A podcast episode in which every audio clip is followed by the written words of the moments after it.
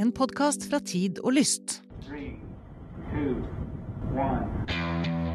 and liftoff. One, two, three, four, five, five, four, three, two, one. Enter bed.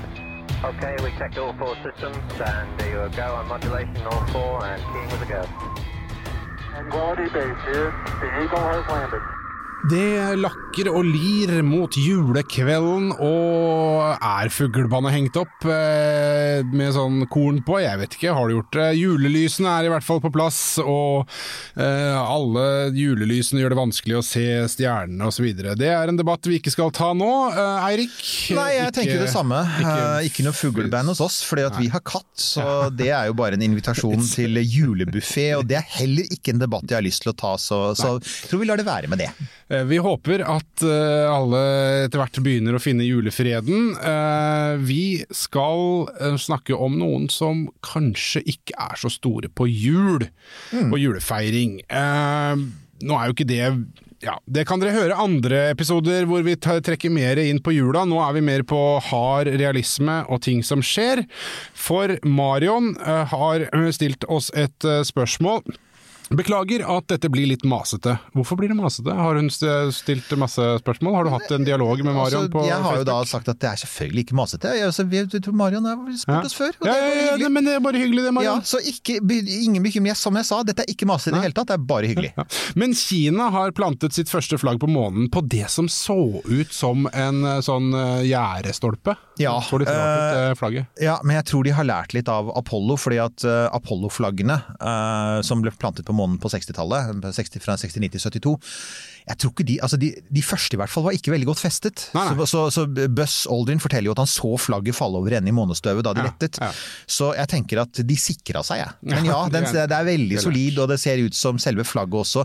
Eh, ifølge CNSA, Kinas NASA, så er dette laget av et materiale hvor rødfargen ikke blekner. Ja. For det er en annen ting vi nå vet, er at fargene i Apollo-flaggene, som har ligget på månen nå i, i 50 år, har antagelig bleknet, for det tenkte ikke NASA på. Så USA har en masse hvite flagg på månen. Sikkert praktiske hvis vi får et Independence Day-scenario med aliens som kommer. Vi har allerede gitt oss. Men jeg tror ikke det var det de mente. Så Kina har lært. Ja, men hva sier du? Ja, Blir det kanskje et nytt minikappløp om å komme seg dit, mennesker eller ikke, altså til månen? Det hadde vært kult om dere tok øh, opp dette også. Dere, dere tok opp også. Ja. ja, og det skal vi gjøre. Eh, Ja. Jeg Zhuzhen, eh, Zhen Zhou. Eh, Jeg kan ikke kinesisk. Nei, du, du, kan ta det med en gang, for det hun snakker om er jo denne sonden som kineserne sendte, eh, og som da eh, skal ha vendt tilbake med prøver fra månen for noen dager siden. Eh, og den heter jo da vi, skriver det Chang-E5, men jeg så en kineser si nå må dere skjønne, dere får prøve å uttale det riktig, og det er Chang-E. Det er sånn de sier det, og så sier de noe på fem på kinesisk, det skal jeg ikke si. Og hvis det er noen som kan kinesisk som hører på, så igjen, jeg beklager. Jeg er fra Bærum, vi kan bare stort sett pent bokmål. Ja. Riksmål. Men ja, Chang'e. Og, og, og ja, det er jo litt kult. Altså, for det er ingen tvil om det, dette er en ambisiøs ferd. Altså, som mange påpeker. Uh, hele smalamitten som dro til månen eh, veier ca. 8 tonn. Det er sammenligna med ca. 15 tonn for Apollo-smalamitten som landet på månen. Så de er ganske nær. Størrelsen er ikke helt ulik. Kinesiske aviser har, vi, viser, har vist bilder av uh, Chang'e og eh, Apollo månelandingskladansen ved siden av hverandre, og, og man ser at den er i størrelse, faktisk mye likere i størrelse. Og en siste ting, selve måten de har sendt den til månen på er ganske komplisert. Det er ikke den enkle som russerne gjorde da de sendte sonder til månen på 70-tallet, de liksom landet, og så dro de rett tilbake til eh, Nei, for det, det, si, det er en ting jeg har reagert litt på, at, eh, for det, det skjønte ikke jeg. Uh, hvorfor det skulle ta så innmari lang tid Ja. fra de skøytene opp til den kom fram. Uh, la meg bare først få understreke, hvis du har bodd under en stein den siste tida, Ja. uh, det er ikke folk med her. Det er, altså, det er ikke faktiske kinesere som har landa på månen. Dette her er bare sånn at det er sagt. Men tilbake til eh, tidsaspektet her. Ja, nei, Kompliserte måten å gjøre det på. Det, de, de gjorde det, de har tatt seg god tid. Eh, De har, eh, selve sonden var bare på månens overflate én dag, eh, drilla ned i bakken, tok noen prøver med en sånn, sånn gravescoop, en spade. Og så dro den av gårde igjen, og da fløy den ikke rett tilbake til jorda. Den fløy opp til en kommandoseksjon som da gikk i bane rundt månen, og så dokket de automatisk. Og det er egentlig nesten nøyaktig det samme som Apollo gjorde, bortsett fra at det var mennesker som styrte eh, fartøyene der. Og det da folk sier er at dette må være bevisst. De har valgt bevisst å gjøre det mer komplisert enn de eh, ellers kunne ha gjort det. Og, og, og da er det selvfølgelig også mer risikabelt. Det er flere ting som kan gå galt. Så de er åpenbart veldig selvsikre på teknologien sin. De tror det vil funke, og, og nå ser vi jo at det har de jo. Så tenker jeg umiddelbart at dette her må jo da være, må jo da være et mission som skal gjøre flere ting. Ikke bare skal den hente prøver, men skal også teste ut dette her og se at det faktisk skal funker. teste ut, teste Ja. månestein, og så er det helt klart en teknologitest. Og det, for eksempel, kineserne har allerede sagt at Chang'e 6, som skal sendes av gårde, eh, den, fordi de har, har denne litt mer kompliserte måten å gjøre det på, så har de større fleksibilitet. Og da kan de sende den til månens sydpol, og det er jo der man har funnet eh, tegn til is. Så det kan tenkes at kineserne lenge før amerikanerne kommer seg til månens sydpol og tar prøver fra bakken der for å se om de faktisk finner den isen som man, som man påstår er der. Eh, Da får de den første prøven på måneis, men det også da mange tenker er, men vent nå litt, det at det ligner så mye på Apollo-ferdene, og også sånn i vekt er såpass likt, da. Kan jo tyde på at kineserne faktisk har noen ambisjoner her som er enda mer eh, Ja, det er jo det jeg sitter og tenker umiddelbart. Ja. Med, med, den dokking av kommando, bla, bla, bla, alt rundt i bane. Her sender vi en del ned, Ja. og så tilbake, dokke tilbake. Her, det er åpenbart en Ja. test av eh, rutiner og må, Ikke alt sant. mulig. For neste, jo- neste gang så er det folk. Ikke sant? Og det er, altså Marion har et innmari viktig poeng. Men selvfølgelig, det må settes opp mot noe annet. Og det er at samtidig som vi ser disse bildene av denne fantastiske store raketten og månelandingsfartøyet, roboten, og som vender tilbake til jorda, så er også Kina landet som jevnlig dropper rakettrinn på sine egne innbyggere. Sånne videoer har vi har blant annet lagt ut en sånn video på Facebook-siden vår. og, og de, de Litt kom- svinn må en regne med. jo, men her er det interessante, da. Og jeg synes altså, liksom For å skjønne, jeg tror noe av det vi får prøve å gjøre her, er å si hvor sannsynlig er det at kineserne egentlig er med på et kappløp, og hvor sannsynlig er det at de egentlig holder på med sin egen greie? For saken er jo altså at Kina har stort sett hele tiden, bortsett fra litt i starten Kinas romprogram begynner sånn litt etter Sputnik. Eh, eh, det var, opprinnelig var det jo kineserne som faktisk fant opp raketten for 1000 år siden. Så når dere eh, skyter opp fyrverkeriraketter på nyttårsaften, det er en 1000 år gammel kinesisk oppfinnelse, og den samme oppfinnelsen skal ifølge legenden ha blitt brukt til å sende det første mennesket opp med rakett. Det skal ha vært embetsmannen Van Hu. Vi skal legge ut en lenke til det på, i shownotene våre. På 1600-tallet, sier noen, skal han ha forsøkt å fly med fyrverkeriraketter festet til en stol eller festet til kroppen sin. Eh, Mythbusters, denne fantastiske serien som dessverre ikke går lenger på Eller som pleier å gå på, på Discovery. Um, Ok, jeg kommer en liten Ja. anekdote akkurat der. Vær så god. Det var veldig morsomt. jul, fordi, ja, det var veldig morsomt. Fordi uh, apropos Mythbusters. Jeg uh, satt jo her og hadde altså, tidenes binge på uh, Expanse. Ja. Eh, og der er det noen scener eh, i et romskip eh, på vei til Jeg husker hva var det, Jupiter eller Venus? Mm. Det var Venus. Mhm. Eh, hvor det sitter en eh, operatør eh, i romskipet, og så var det han var noe kjent med. Ah, og så er det han ene, han uten barten. ja, det er Adam Savage. Ja, fra Ah. Mythbusters, som har en liten cameo eh, der. Ja, de er kul. Og han har, jo, han har jo fortsatt litt med samme tingen på YouTube for øvrig. Han har en veldig kul YouTube-kanal, og så bygger han ting. Så hvis dere har lyst til å gjøre noe med hendene i, eh, i romjula eh, Annet enn å putte dem mot munnen. i Annet enn å putte dem mot munnen og f.eks. bygge en sånn komplett eh, romhjelm eller noe sånt. nå, Og så- hvem vil ikke det? Og hvem vil ikke det? Eh, Så, eh, og jeg har 3D-printer, så jeg vil i hvert fall. Så, så, så gjør det. Men altså, de testet jo Van Hu-myten. Var det sånn at en kinesisk embetsmann kunne ha festet raketter til eh, en stol? Var det i deres tilfelle? Det tok- kunne han nok gjort. og så, og så satte de Buster, deres testdokke på den, og ja, episoden er der ute, og um, Mythbusted. Buster ble Man tror jo ikke det gikk bra, men saken er da at, at kineserne Har lang erfaring med raketter, i hvert fall. de har lang erfaring med raketter, så, så når liksom eh, sovjeterne skyter opp sin første satellitt Sputnik i 1957, så finner da Mao eh, Zedong, eh, Kinas leder på det tidspunktet, kommunistlederen, han finner ut at jeg kan jo spørre mine venner, mine kommunistiske venner i Sovjetunionen om de kan hjelpe meg. Og det kunne de. De, da, de ga han ikke den nyeste teknologien. De ga han ikke R7-raketten som ble brukt til å sende opp eh, Sputnik, som var utviklet av sovjetiske forskere. De ga, en, ga kineserne en rakett som het R2, som var bygd i 1948, og som var Du gjetter aldri hvilken rakett R2 var basert på. Hmm. Russiske forskere i 1948, hvor kan de ha hentet sin inspirasjon fra? Hmm. Det er- Er det en annen bokstav foran to? Det er en annen bokstav foran to. Er det en bokstav som, eh, som kanskje står eh, Altså som Jeg, jeg tenker V. Werner. ja, det er, vi, er, vi er i det landskapet. der. Werner 2? Ja. Ja. Det er altså rett og slett deres eh, russerne, før de gikk sin egen vei og bygde sine helt egne raketter, så, så bygde de en kopi, en litt forlenget kopi av eh, Werner von Brauns V2-rakett, og, og den, den brukte kineserne som utgangspunkt. Men så skjedde det noe i Kina. Altså, en ting var at Kina var veldig fattig. En annen ting var at Kina var jo, følte seg litt omgitt på alle kanter av, av fiender, og ikke minst ute ved kysten. Kina har jo en lang østkyst.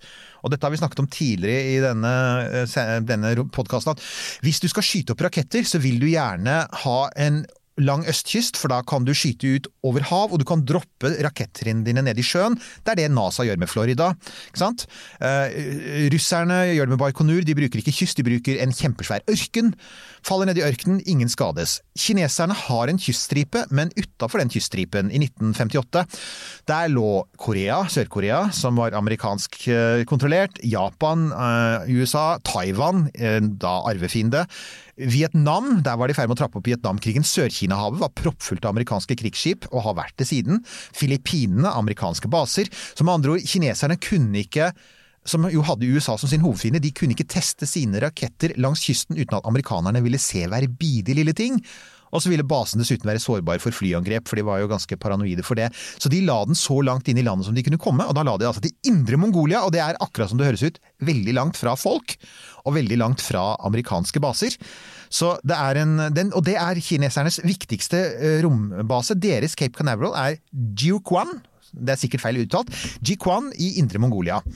Um, Ja. og, og da er jo saken, når du skyter opp en rakett fra indre Mongolia, som ligger langt vest i landet, så flyr rakettene østover mot de områdene av Kina hvor det bor folk, for at de fleste kinesere bor ved kysten. Så jo lengre, jo nærmere kysten du kommer, jo flere folk bor det. Og når du da dropper førstetrinnet, så lander det altså på folk. Så det er altså rett og slett grunnen til at Kina veldig lenge, de er i ferd med å forandre på det nå, Ja, de er de har det. De har, de har, de har, en, ny, de har en nyere base nå på Hainan, som er en øy nede ved Vietnam. Så nå skyter de opp over havet. Så den Chang'e ble skutt opp eh, på amerikansk vis med moderne rakett. Men det er altså grunnen. Det er en historisk grunn. Kina hadde dårlig råd, og de måtte gjemme unna romprogrammet sitt. Og rakettene deres var lenge ganske primitive. Nå er det mer humant. Nå er det mer humant. Og, det, og det er jo også sånn at Kina hadde faktisk planer, har lenge hatt planer om å sende opp folk. Så allerede rundt 1970 så ville Mao, eller formann Mao som han het på det tidspunktet, han ville bygge en romkapsel. Eh, På det tidspunktet så hadde de røket uklar med sovjeterne, så de bygde sine egne raketter og sin egen romkapsel. Eh, Og det som da skjedde var at uh, på det tidspunktet hadde Kina noe som het kulturrevolusjonen, hvor Mao Det blir litt politikk her, men det hører med, du kommer ikke unna det når det gjelder Kina. Uh, hvor Mao nærmest sendte sinte studenter og aktivister løs på uh, eliten i landet, altså annet forskere. Og det var faktisk flere kinesiske romforskere som ble slått i hjel, altså drept av sinte studenter som støtte Det, det høres veldig rart ut, men altså ledelsen i landet slipper masse studenter løs på de som bygger landet opp. Og det, det som da skjedde, var at annet at Kinas romprogram ble satt kraftig tilbake. Og det var først på 80-tallet at eh, da du hadde fått ny ledelse, Mao var død, at du fikk eh, folk som sa ok, vi har disse rakettene, vi er fremdeles fattige, men det betyr også at vi er billige. Så Kina begynte å tilby eh, rakettene sine, som da het, eh, heter Long March, den lange marsjen til Mao Zedong, som han også kan google om han vil, oppkalt etter den. Eh, Long March-raketter til kommersielle kunder i Vesten. Og det fikk de litt. Der fikk de faktisk en del kunder. Så skjedde det noe, og det var at de begynte å skyte opp amerikanske satellitter. Og så fikk amerikanske eh, Og på det tidspunktet da er vi nærmere oss sånn rundt 1990. Og da blir amerikanske myndigheter litt redde, fordi de begynner å lure på om kineserne kanskje For da var Kina begynt å vokse. De skjønte plutselig at Kina var ikke bare et u-land lenger. De var begynt å få teknologi, og ikke minst, de var veldig glad i å kopiere vestlig teknologi.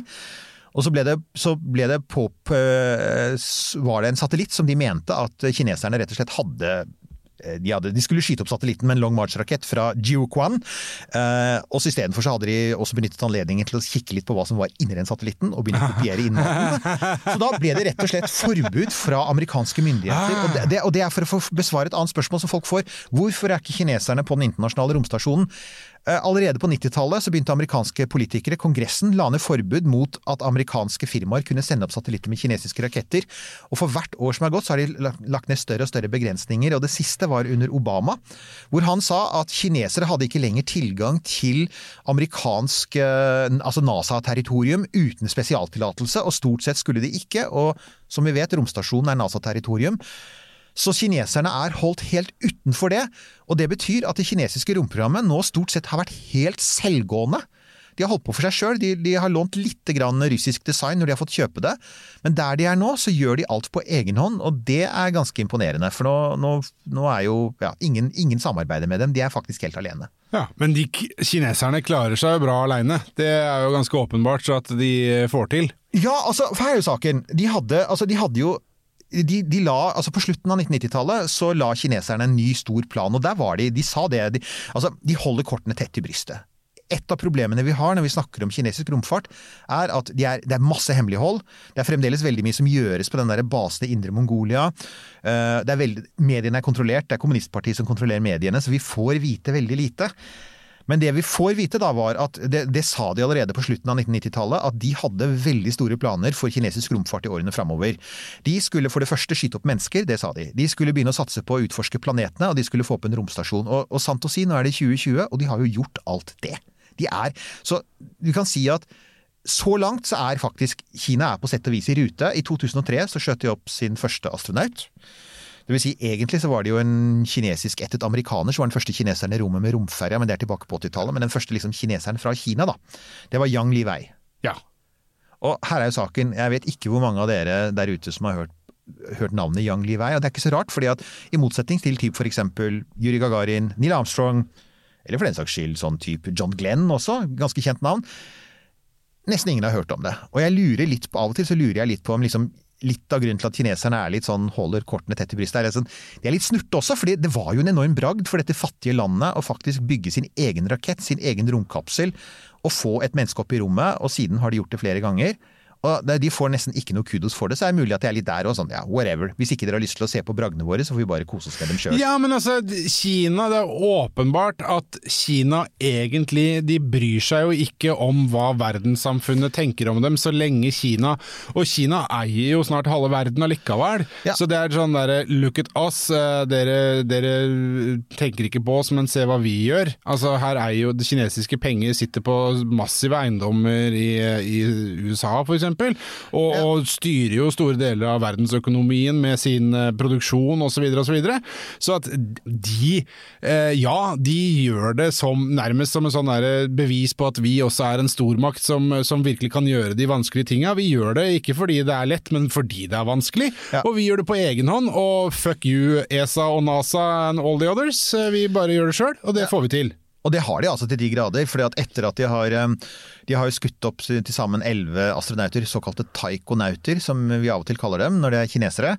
Eh, De har skutt opp eh, prototyper på en romstasjon som etter hvert skal være fast der oppe, som heter Tiangong. Altså de har fant ut ok, vi kan ikke være på den internasjonale romstasjonen, da bygger vi vår egen romstasjon. De har laget sitt eget de har laget sitt eget romfly. altså lille, de har laget en liten romferje. De er i gang med en ny romkapsel. Det har vi vært innom før også, at vi har nevnt at kineserne har drevet og testet, øh, testet en prototyp på en ny romkapsel som den de har nå, eh, Shen, Shenzhou, som igjen er feil uttalt, men Shenzhou, himmelsk skip heter vel det, Eh, den er eh, den er helt klart basert på Soyuz. De, det kjøpte de fra Russland etter at Sovjetunionen falt, for da ble de liksom venner igjen. Eh, Men de har, de har faktisk lagd en bedre Soyuz enn Soyuz. Den er større og har mye mer avansert teknologi, visstnok. Vi vet jo lite om det. Eh, Og så har de altså dette Men det for å komme tilbake til det Marion spurte om, det er månen. Ja, månen er interessant for dem. De snakker mye mer om månen enn de snakker om Mars. Og eh, Chang'e eh, de sendte jo ut Chang'e 1 og 2 for mange år siden. Det gikk i bane. Chang'e 3 sendte ut en liten sånn bil, rover, på månen. Det var den første siden sovjeterne gjorde det på 70-tallet. Det var den som het eh, Var det Jadekaninen eller noe sånt? Noe? Den Ja, lille. ja, det var Ja. ikke sånn, ja. U2, tror jeg den het. Og det er ikke et Ikke eh, etter hvert ganske slitt irsk band. Nei. Og så var det Chang'e 4. Det var den som landet på månens bakside. Det var unikt. Det hadde ingen gjort før. Ingen har landet der før. Det var den som også hadde med seg noen planter som skulle overleve månenatten, og som frøs i hjel. Så vel, vel. Ok, det var planter. Ja, ja, det Eh, Det er jo omtrent som plantene i min vinduskarm. Jeg, som jeg sier, jeg er bedre med katter og barn enn med planter. Sånn er det. Og så er det Chang'e 5. Det er den som da skal hente, som nå har hentet månestein tilbake til jorda. Og som dere, og som dere hører av dette, det er en progresjon her. Du starter med noe enkelt, sondrer i bane. Det gjorde sovjeterne i 1958, liksom. Eh, Så går du til eh, robotbil og lander. Så går du til robotbil og lander på baksiden. Så går du til en Apollo-style robotlanding, som er det som vi er på nå. Og så sier de at um, Chang'e 6, 7, 8, altså de har planer om det, de har ikke vært veldig konkrete. Da skal de ned til månens sydpol, og så, etter at de har vært på månens sydpol, så er det kan være om et år eller to, og hentet litt is derfra, så er det planer om å sende opp noen romsonder som skal teste utvinning av ressurser fra månen. Uh, altså lokal utnyttelse av ressurser, leve av landet. Da begynner vi å tenke månebase. Kiwi er billigst i VGs matbørs og har vært billigst i fire av de fem siste VGs matbørser. Og nå presser vi prisene på frukt og grønnsaker. På 200 gram broccolini setter vi prisen til 24,90. På 400 gram Cevita blåbær setter vi prisen til 49,90. Og husk, alle Kiwi Pluss-kunder får i tillegg 15% trumfbonus på all fersk frukt og grønt. For det er vi som er prispresserne. Og vi i Kiwi gir oss aldri på pris.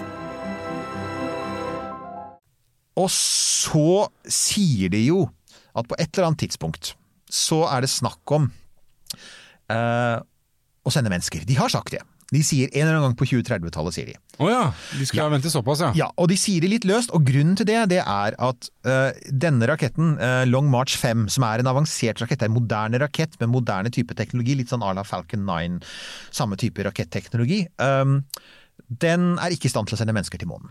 Eh, Ok. Nei, kanskje du kan sende opp Hvis du sender opp to-tre etter hverandre, så kan de dokke og, og bygge måneskipet i bane. Men det kineserne sier er at de planlegger, og de er, har nå på tegnebrettet, en rakett i samme klasse som Saturn 5, altså en månerakett. Løftekapasitet som Saturn 5, eller SLS, den store NASA-raketten, eller Starship, den som SpaceX driver og tester for øyeblikket. Altså samme kategori. Super Heavy Launch Vehicle er det vel de gjerne kaller det. Den driver de og planlegger, og de tror de skal begynne å teste den mot slutten av tiåret, så før den er testet, så, så er det neppe på tale å sende mennesker til månen. Det er viktig å huske på. Så Men så skal det jo sies da at eh, det er jo eh, med kinesisk effektivitet, så får vel de den raketten opp eh, i været før SLS er ferdig, så Ja, altså, det er akkurat, du er inne på noe der. Pluss at det finnes altså mulig, det er i teorien mulig å sende mennesker til månen med den de har nå, bare Ja, de setter det sammen i jeg jordbane. hvorfor kan de ikke- Så, det, så, jeg, så det, det er jo et spørsmål, da. Hvis de allerede har sendt, sendt en, en robot til månen som har Ja. landa der, så har de jo kommet seg dit, og du sier at den er omtrent samme vekt og størrelse osv. som Apollo, så eh, hvorfor ikke? Det lukter månekappløp, og det er jo det som Marion sier. Betyr ikke det at vi har et månekappløp? Det fins noen grunner til at vi kan At vi ikke behøver At ikke det er så sikkert, da. Eh, Og det handler ikke så mye om teknologi, men det handler liksom mer om som vi er inne på, litt mer sånn hvem kineserne er og hvordan de tenker. og Det er ofte litt vanskelig å vite hva de tenker, men vi har nå litt å gå på, for de har holdt på med romfart nå siden 1960. Eh, For det første, og det er viktig, altså vi, vi, er veld, vi har veldig lett for å tenke på månekappløp, men mesteparten av romhistorien så har det faktisk ikke egentlig vært noe kappløp. Altså Det virkelige kappløpet i verdensrommet, det var jo fra liksom sånn Ja, fra, fra Sputnik, selvfølgelig, satt i gang, og så kom, eh, så kom eh, Yuri Gagarin og, også Mercury, og så Apollo. Og Apollo-kappløpet det skyldes jo i veldig stor grad at liksom John F. Kennedy står jo der og sier at vi har en deadline. Han sier vi skal dit før da, og han sier vi skal slå sovjeterne. Han er veldig tydelig på det. Så der, han går rett ut og sier vi har en dørlinje, og vi har, eh, vi Jo, men Da har du en motstander, en klar motstander som skal Ja. slåss, og så skal du ikke undervurdere det elementet som ligger i det for kineserne, og, og gi en styver til, eh, til USA. Helt sant, men poenget er at NASA har jo ikke satt noe klar Altså De har sagt en eller annen gang i løpet av 20-tallet, kanskje i løpet av 30-tallet. Ja, og så var det Så- Boots on the Moon og i 2024 Nemlig, og og, bla, bla, det, bla. og det er der sånn. tryna de grundig, og, og det ville de ha gjort uansett. Så det jeg tenker da, er at de tenker nok at det er ikke noe kappløp for øyeblikket, for at for øyeblikket står Altså, vi har ikke noen målstrek, da. Det er litt vanskelig å ha et kappløp når du ikke har en målstrek. Og det er dessuten litt uklart hvem det er som skal lande på månen. Eh, NASA sier SLS, det kan bli SpaceX.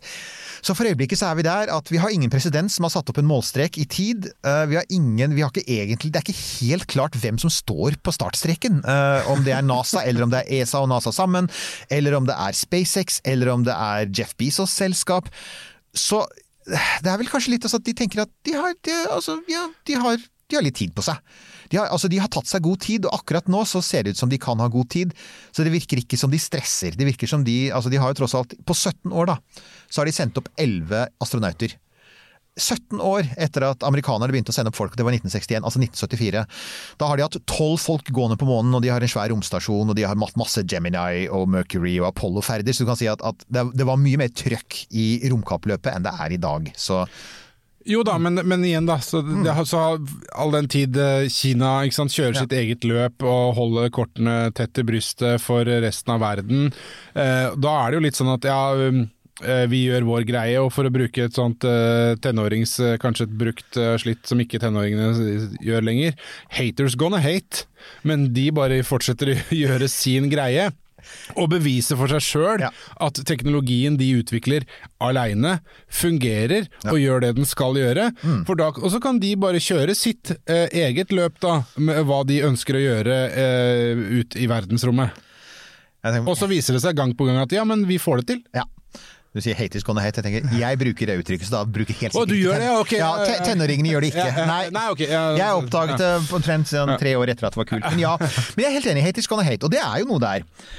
Eh, men det har jo også litt å gjøre med altså, jeg tenker En annen grunn er jo selvfølgelig at altså, vi har allerede vært på månen. Og jo da, det er kult å være tilbake, men det snakker, altså, i så fall handler det om en andreplass. Og igjen, kineserne så jo hvordan verden reagerte på Yang Li Wei. Det var stort sett et stort gjesp. Det var sånn ok, oh cool, ikke sant? Og de prøvde jo faktisk å pushe han. Ikke snakk om å få han invitert jorda rundt og åpne konferanser, altså som Apollo-astronautene. Og sånn som, altså Gagarin og Apollo-astronautene var sånn Alle ble superstjerner. Eh, alle dro jorda rundt og holdt massevis av goodwill-turneer og fikk en fantastisk karriere etterpå, inntil de enten begynte å drikke eller krasja med et fly, som Gagarin. Men uansett. Um, vi har ikke sett noe sånt noe med Yang Liwei, og jeg kan skjønne det om kinesiske myndigheter tenker altså, ok, vi kan, altså, det er kult om vi er først. Men den derre PR-effekten som du fikk av første menneske i rommet og første menneske på månen, den får vi ikke uansett. Så det er ikke noe sterkt element. Det er kult å slå amerikanerne, men det er for innvortes bruk. Altså, vi som, vi som nordmenn gir jo beng i om kineserne slår amerikanere på den måten. Altså, for kineserne er det kult, amerikanerne vil synes det er sårt, men resten av verden vil stort sett trekke på skuldrene og si ok, whatever. Vi veit jo at kineserne er flinke, så det er ikke så rart at de gjør det, egentlig. Nei, nei, nei det er det jeg tenker. at Det er jo helt Ja. naturlig. Bare kjør på. Og så er det en liten ting til, og det er altså, vi, Romkappløpet handlet jo om, om USA og Sovjetunionen, og Sovjetunionen er jo ikke altså Kina jo, kaller seg jo kommunistisk, men det er jo ikke Sovjet. altså Det er jo en 5000 år gammel kultur, de er fryktelig stolte av historien sin. eh, De føler jo altså De er Midtens rike, så, så de har jo ikke liksom den der sånn, litt sånn mindreverdighetstingen som vi veit at sovjeterne hadde veldig mye i forhold til USA. Altså, De skulle lykkes å være et sånt kommunistisk supersamfunn. De klarte aldri å ta inn amerikanerne, det var veldig bittert for dem. Kineserne er mer sånn Vi har eksistert i 5000 år, amerikanerne har eksistert i 200 år. La oss se, åssen- la oss se hvem som vinner til slutt, liksom. ikke sant? Ja, we're in it for the long run. Ja, we're in for the long ja. run. Men det er, for dette, jeg bare, apropos, jeg bare kjapp uh, uh, anbefaling faktisk. Uh, for lenge etter at jeg så serien uh, Tsjernobyl, eh, Ja. altså TV-serien uh, Netflix-greia, uh, Tsjernobyl, strålende hvis du ikke har sett den. Uh, den kan du se i jula. Det skal jeg gjøre. Eh, men jeg hørte Tsjernobyl-podkast, Ja. uh, som var med manusforfatteren, uh, som uh, snakka seg gjennom episodene. Mm. Eh, jeg trodde faen, for en tull tullting. Eh, men det funka jo helt strålende. Eh, Fantastisk fin podkast. Mm. Artig å høre. Du må ha sett serien for å ha, få noe utbytte av den uh, podkasten. Men som han eh, sier der, han eh, manusforfatteren av Tsjernobyl, at eh, Russland, eh, Sovjetunionen, eh, var jo lidenskapelig og opptatt av å ikke bli ydmyka i, i verdenssamfunnet. Kineserne er jo kanskje ikke det. Nei, vi ser det på så mye. Fordi eh, i Vesten så vet vi at ja, Kina har en lang tradisjon, stolt tradisjon. Eh, veldig mange i Vesten er eh, opptatt av kinesisk kultur og, og ting derfra. Eh, og, og så vet vi nå også med liksom, hvordan verden fungerer, at Kina er en viktig aktør i hele verdensøkonomien, som ikke er så veldig kommunistisk. Eh, Så det er en sånn her, eh, hybridløsning Ja. der også. Eh, Og da faller vi tilbake på det der at ja, men de gjør sin greie.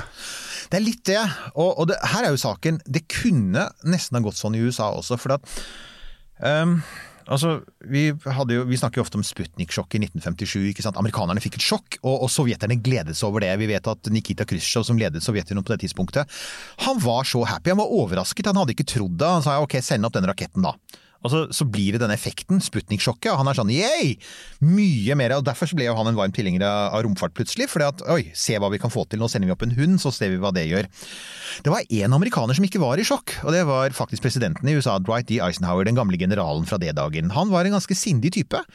Og når han etter Sputnik ble spurt av journalister da, liksom, hva syns du, er ikke dette, viser ikke dette hvor langt sovjeterne har kommet, så sa han, han for det første, så han ble jo kritisert for at han hadde brukt uttrykk om at han var ikke så imponert over at sovjeterne hadde sendt en liten ball opp i rommet. Og så sa han dessuten at mer eller mindre at for han så, altså Det viktigste beviset for, for, for hvordan et system lyktes, det var jo ikke om du kunne sende en sånn ball opp i rommet. Det var hvordan levde vanlige folk, hvordan fungerte landet, hvordan var levestandarden, livskvaliteten, og der mente han jo at det ikke var noe tvil. Og det tror jeg de fleste være enige om at, at i, i, i 1957-58 er ingen tvil om hvor det var best å leve, for å si det sånn. Så han, han ville ikke stresse så mye med det, og han måtte pushes, han. Pushes i retning av å opprette NASA og pushes i retning av å satse på bemannet romfart, for han så ikke egentlig helt poeng med det heller, før det var på tide. Så han var litt sånn, så det jeg tenker at igjen, ja vi er veldig opptatt av, av, av romkappløpet, men det er jo blant annet for vi hadde denne presidenten Kennedy som trodde veldig på romkappløpet. Fordi at han var jo da ung og uerfaren, og fikk han fikk jo Gagarin-sjokket, og dessuten Bay of Pigs, invasjonen på Cuba som mislyktes, tett på hverandre, det var bare fem dager mellom de to hendelsene. Han fikk jo totalt panikk. Så den talen han holder i, i Kongressen i, i 1961, hvor han sier at liksom, eh, innen utgangen av tiåret skal vi sette en mann på månen, det handler ikke bare om USA generelt, det handler faktisk også om en politiker som er veldig forskjellig fra han som var før. Hadde, du, altså, hadde Eisenhower styrt på det tidspunktet, altså han hadde fått en tredje periode eller sånt noe, så kan jeg si at jeg garantert det hadde ikke vært noen, det hadde ikke vært noen romkappløp. Han sagt ok, whatever, de var først i rommet. Det behøver ikke å bety at vi må bruke 5% av statsbudsjettet vårt på å sende en mann til månen. Da får vi heller bare bli flinkere, da. ikke sant? Altså får vi skjerpe oss. Så, og det er klart, det kan jo tenkes at også, det tror jeg, altså vi vet at jeg følger eh, faktisk det offisielle kinesiske nyhetsbyrået, jeg, Xinhua. Nok en feiluttalelse. Og det gjør jeg rett og slett fordi det hender de har romnyheter. Ja. Men det de har 99 av er, eh, det er det er fascinerende, for det er sånn nye fabrikker, hurtigtog, Ja. hvor godt de klarer korona, for de har stort sett klart det maskefritt. Hvor raskt økonomien vokser, bilfabrikker. altså Det er jo en jevn strøm av propaganda, men det er interessant å se den propagandaen fordi den forteller litt om mindsettet deres, og det er jo, romfart er kult. Men 99% av greia for kineserne er at de er verdens fabrikk. De er nå en av verdens største økonomier. Kommer til å ta igjen USA på et tidspunkt, før eller siden antagelig. De er stabile, de har klart seg gjennom viruset. Altså, de er mye mer der, da. Så jeg, jeg tipper at, uh, at lederne i Kina er nærmere Eisenhower på dette her med romkappløp enn de er Kennedy. Altså, de er mye, og jeg, jeg er helt sikker på er at Joe Biden er der. Han, den kommende presidenten, som jo også skal eventuelt starte dette kappløpet. Biden virker som en ganske chill fyr. Han virker ikke veldig panisk på dette med å være først på månen. Den forrige var litt panisk på det, men han er på vei ut. Så den eneste som faktisk for reelt sett kunne ha startet et romkappløp, ville vært en president Trump som var litt mindre desorganisert. Altså som faktisk hadde da skjønt at ok, hvis du skal slå, hvis du skal tilbake innen 2024, så må du faktisk putte pengene der, og du må få SLS-raketten opp, og du må få ferden i gang. Ikke nå, men i forgårs, liksom. Og det, det klarte jo ikke han, for han, han var ikke organisert nok til det. Nei, men da, da vil jeg bare tilbake til det der at det er Altså, det er bare, for kineserne så er det, det er en naturlig følge av å bare være en big player in eh, verdenssamfunnet. At Ja. de holder på med det, for det er litt sånn Verdensrommet skal the big players eh, holde på med. Så det jeg tenker er at altså, det blir nok neppe noe romkappløp sånn som det var på 60-tallet, Marion. Men det vi kan få, det er selvfølgelig at hvis f.eks. kineserne gjør større fremgang når du ser kinesiske sonder hente isprøver tilbake fra månens sydpol, så tenker jeg at folk i Kongressen kan komme til å si folkens, bør vi skynde litt på Artemis? Bør vi, bør vi faktisk nå ikke bare si kanskje sender vi et menneske i 2029? Vi sier vi skal sende et menneske i 2029, vi skal virkelig gjøre det. Fordi plutselig en dag så har kineserne bygd en litt større versjon av månesonden sin, og så er det ikke et menneske om bord, men en liten base. Og så flytter det inn noen eh, gruvearbeidere etter det. Ja, fordi det var jo Det er jo Det var min neste tanke. At det er jo nå Det egentlige neste steget handler jo ikke om å hente noen prøver fra månen. Det handler om en permanent etablering av en base på månen. Ja, og derfor så Som et trinn videre ut i Ikke sant. Og det er det man tenker, altså det er jo eh, I gamle dager så var det noe som het eh, i sovjettiden, og det er et sånt uttrykk som dere som ser ut som meg kanskje husker, det er noe som het kremlologi, og det var Sovjetunionen, Sovjetunionen var veldig hemmelighetsfullt. Og da handlet det mye om å prøve å gjette seg til, basert på uttalelsene til lederne i Kreml i Moskva, hva var det egentlig de mente? Så kremlologi var sånn som for eksempel Hans-Wilhelm Steinfeld. Ja. Han, var, han var kremlolog, ikke sant? Eh, og og alle, alle journalister som jobbet i Moskva var det. De måtte liksom gjette. Det skjedde plutselig så, ble bi, plutselig så fikk ikke bilene lov å kjøre i gatene i Moskva. Hva hadde skjedd nå? ikke sant? Var det statskupp, eller var det en som var død? Så Det var sånn typisk kremlologi. Eh, og det er litt det vi driver på med Kina, fordi kineserne holder kortene så enormt tett til brystet at vi prøver å gjette oss til, eh, gjette oss til hva de vil. Så det jeg kan si, Marion, er det er ingen tvil om at kineserne vil noe stort med månen, fordi vi ser at de nå eskalerer. De blir mer og mer avansert. Og de, hvis Chang'e 6 og 7 skal til Sydpolen og hente is og prøve å utnytte ressurser på månen, som er det de sier, de har sagt det, så er det et klart signal om at de vil noe på månen, og at de ikke bare skal plante et flagg og hente noen prøver. De har antagelig tenkt å sende folk der for å være der en stund og prøve å utnytte ressurser, og at de ser på det kanskje som en sånn stepstone til Mars. Så ja, i det forstand så kan det faktisk Og det er klart, hvis, hvis disse ferdene lykkes, og vi får litt tydeligere signaler fra Kina, så kan det hende at vi mot slutten av dette tiåret plutselig NASA sier ja, vi må skjerpe oss. Vi Ja. må faktisk bygge den SLS-raketten som fremdeles ikke er Den er enda ikke, den er enda Nei, ikke testa! det. Altså, det, er som, det, der, der, er- det er som billettsystemet på, på T-banen i Oslo. Den der SMS-en, ja! Det er sånn der prosjekt som aldri kommer i havn, og så til slutt så blir det bare skrota fordi han der elbilfyren eh, kommer med ja, dette funker jo mye bedre. Ja, ikke sant. Det er litt Det, vi, det vi risikerer absolutt. Og det, det det, når du er inne på det, han elbilfyren bygger jo denne kjemperaketten sin. Eh, og det er en annen, han eh, som driver og selger oss bøker online, han har også sitt eget romprogram. Og det enkelte har sagt da her, vi kan faktisk komme til å se et privat kappløp. Eh, For at disse folka, altså, eh, eh, altså i motsetning, altså den amerikanske regjeringen eksempel, den har ikke noen tydelige mål om å sende mennesker til månen og Mars. Et visst firma som begynner på S, og som vi omtaler altfor ofte her, det har et veldig klart mål om å eh, sende mennesker til Mars. Det er hele poenget med det firmaet er å sende mennesker til Mars. Og ikke bare det, men, men eh, Elon han var ute, han ble intervjuet, han var ute og lanserte enda en sånn svær elbilfabrikk nede i Tyskland. Og da ble han intervjuet ganske nylig, og da spør de han, da blir tysk, tyske medier intervjuer han, og så sier de eh, disse planene dine for å sende mennesker til Mars, hvor, hvor, hvor er vi nå i forhold til det? Og månen? Og da sier jo han at nei, han vil ha prøveturer til månen og Mars innen 2022, og han vil eh, ha eh, eh, hvert, I 2026 håper han å lande mennesker på Mars. Det er Altså, det er er, han har jo vært ute og sagt det, da. Så han har en dørlinje. altså Vi veit jo hva det, som kan skje med, med Elon Musks dørlinjer. Jo da. De, de, altså, det som skjer med Elon Musks dørlinjer, er jo ikke at de brytes, det er at de forskyves. Så hvis Elon Musk sier 2026, så kan det skje 2028 eller 2030, men da har han gjort et kjempe... Da er vi på månen og Mars lenge før det NASA egentlig tror og håper. Så vi kan få et privat kappløp i rommet som er kjempespennende. Ja ja, da, da, da, så vet vi jo på en måte hvem som vil vinne det, da. Ja, det er jo ikke noe tvil om det, for dette andre selskapet, Blue det Origin til Jeff Bezos, har jo enda ikke sendt opp en rakett i bane, så de er jo, de er jo langt etter. Nettopp. Det kan hende at de gjør en sånn der, eh, plutselig sånn dark horse-greie, kommer ut av mørket og sier 'her er vi', og de har faktisk en av kontraktene til eh, Artemis-programmet. Men, eh, men de tenker nok for langsiktig. Nei, det er det, er det som Så jeg tenker at kanskje det største spenningsmomentet nå er eh, den, den viktigste konkurransen som amerikanerne ser akkurat nå, det er konkurransen mellom NASA og deres SLS-månerakett, og SpaceX og deres uh, Starship-månerakett. Og, og der er det altså, ja, for det, men da, da helt tilbake til Altså, det er egentlig altså, På meg, som ikke vet så mye om det som det du gjør, så tenker jeg at egentlig så er ikke det en konkurranse.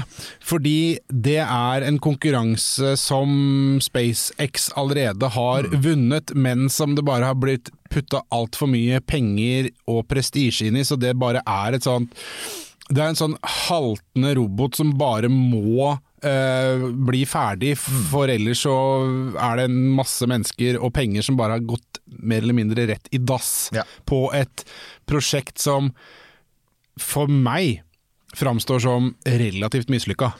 Ja, det er ute. Altså, det, det, det, er, det, er, det har ikke engang lettet, og det er allerede for lengst utdatert. Det er jo, det som, det er jo kanskje det mest tragiske av alt. Ja, for det var jo en sånn ting som, eh, som, eh, som eh, vår, vår Perseverance og Rimfax-mann sa, og som vi har vært og snakka om tidligere også, at dette er låsing av teknologi. Altså På et eller annet tidspunkt når du skal eh, jobbe med sånne prosjekter som tar fryktelig lang tid, så må du låse teknologien på et eller annet år og si at eh, fra nå av så tar vi ikke inn liksom, den nye prosessoren vi bruker, den gamle, fordi det er, det er et eller annet sted må vi sette grensa.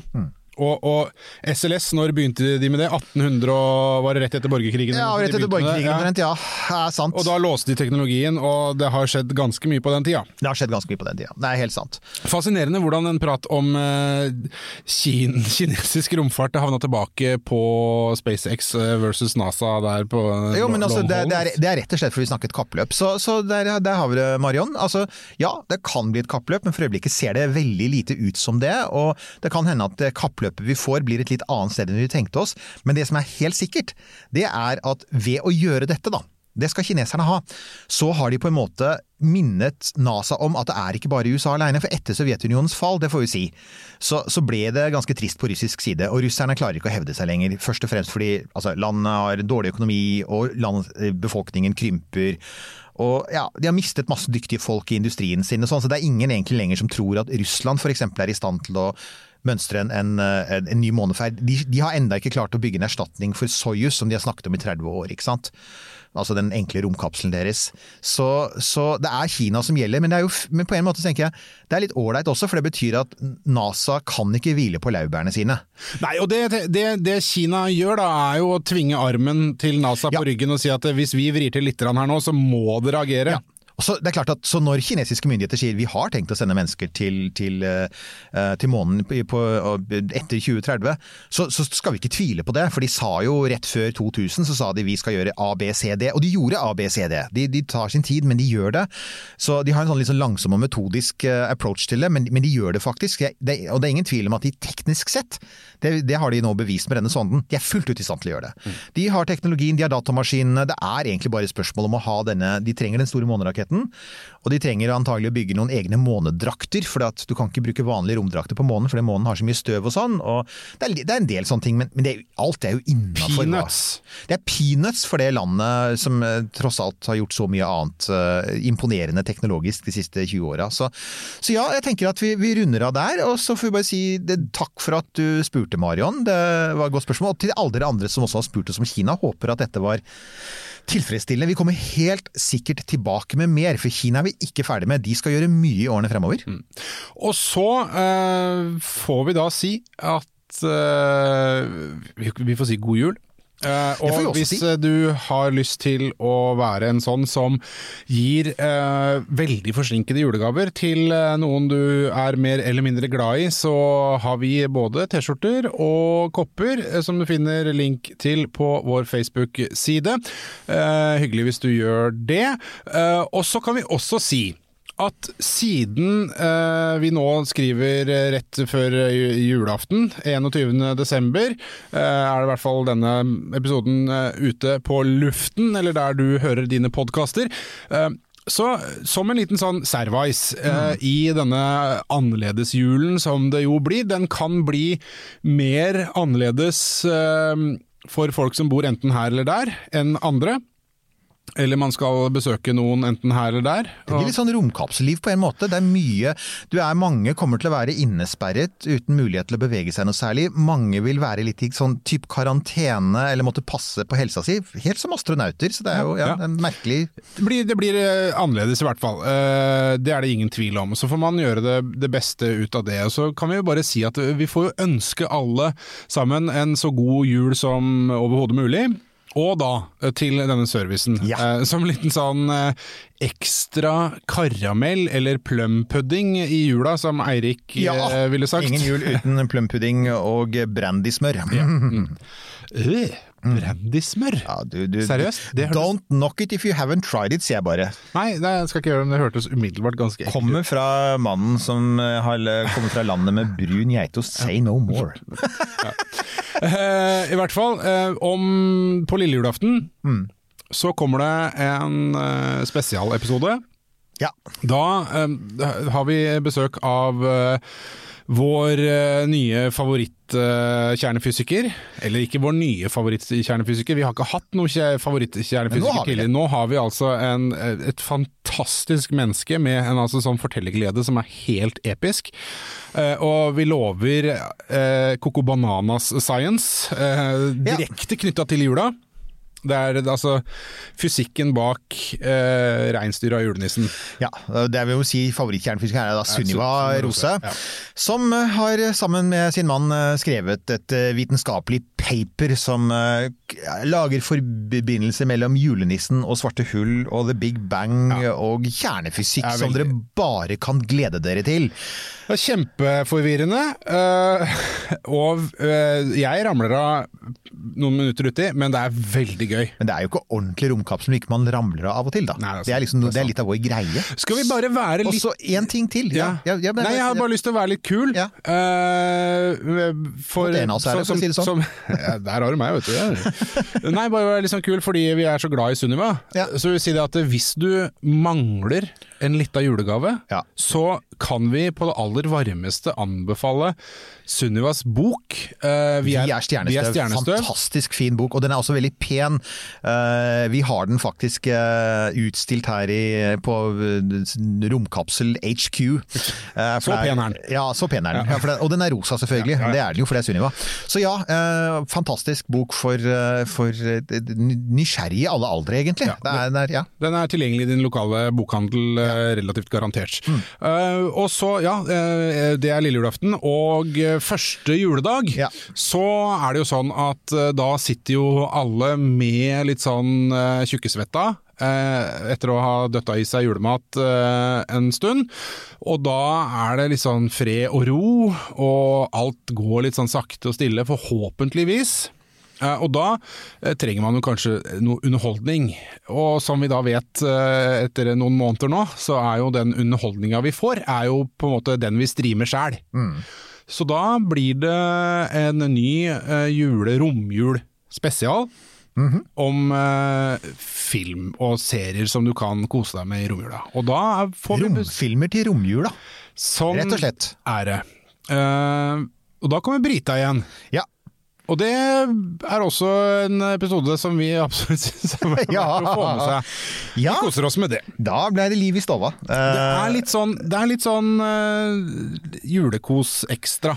Ja, for vi, igjen, vi trenger det. Alle trenger det. Det har vært, det har vært et eh, slitsomt år, og, og vi trenger Vi vet at det blir en uvanlig jul for veldig mange.